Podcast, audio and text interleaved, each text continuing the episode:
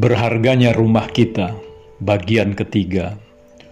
Hal ketiga yang dibutuhkan agar rumah menjadi sebuah sarana untuk menyampaikan kebenaran dari generasi kepada generasi adalah sebuah rumah yang menjadikan firman Allah sebagai satu-satunya suluh bagi kaki dan terang bagi jalan-jalan mereka.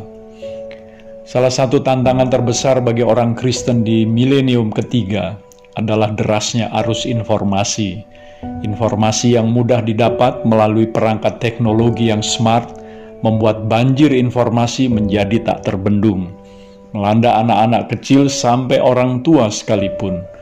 Informasi yang satu belum cukup dipahami, sudah datang informasi yang berikutnya. Dan lebih berbahaya lagi, semua orang sekarang bisa dengan mudah menyampaikan opini atau pendapatnya melalui media sosial Tak peduli apakah aspirasi atau opini itu benar atau salah, atau mengandung kebohongan dan sangat merusak. Akibatnya, orang-orang mengalami kesukaran untuk menemukan atau membedakan manakah sesungguhnya berita yang paling penting. Berita yang dianggap paling penting adalah yang paling heboh sekarang ini, yang paling banyak dibicarakan atau viral.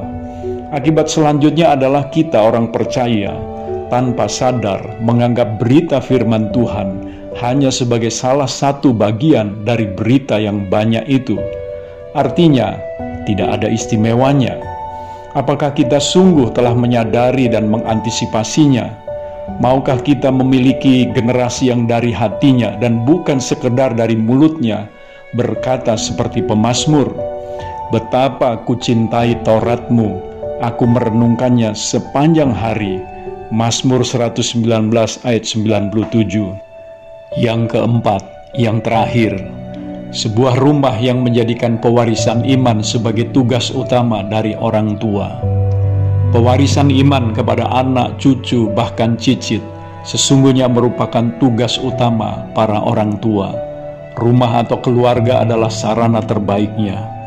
Ulangan 4 ayat 9 mengatakan Tetapi waspadalah dan berhati-hatilah supaya jangan engkau melupakan hal-hal yang dilihat oleh matamu sendiri itu, dan supaya jangan semuanya itu hilang dari ingatanmu seumur hidupmu. Beritahukanlah kepada anak-anakmu dan kepada cucu cicitmu semuanya itu. Saya menaruh keyakinan jika empat hal yang saya sampaikan ini kita renungkan, kita mengerti, dan kita lakukan dengan sungguh-sungguh secara konsisten, maka keluarga selain berharga di mata kita juga akan indah di matanya. Sebab di sana telah terjadi proses pewarisan iman seperti yang telah dialami juga oleh Timotius melalui neneknya Lois dan ibunya Eunike. Satu hal penting yang membuat saya makin bersuka cita adalah menjadi kakek atau nenek bukan alasan untuk berhenti mengajarkan kebenaran kepada anak, cucu, bahkan sampai kepada cicit. Hari itu, dari Siberut Utara saya menyeberang dengan sebuah speedboat kecil ke ibu kota Kabupaten Mentawai, Tua Pejat. Dusun kecil yang terus mekar menjadi kota yang semakin padat penduduknya. Rumah-rumah baru dibangun, keluarga-keluarga baru bermunculan. Pemandangan itu membuat saya merenung, bagaimanakah keadaan keluarga-keluarga itu rumah-rumah mereka dibangun dengan bagus, dan seandainya mereka adalah keluarga-keluarga Kristen, adakah rumah mereka atau keluarga mereka telah menjadi sarana atau sistem utama untuk firman diberitakan dan dihidupi setiap hari di dalamnya? Saya memimpikannya akan terjadi di Mentawai, seperti juga terjadi di rumah-rumah kita di Jakarta. Saya Theo Barahama, Bring Heaven Home. Tuhan Yesus memberkati saudara.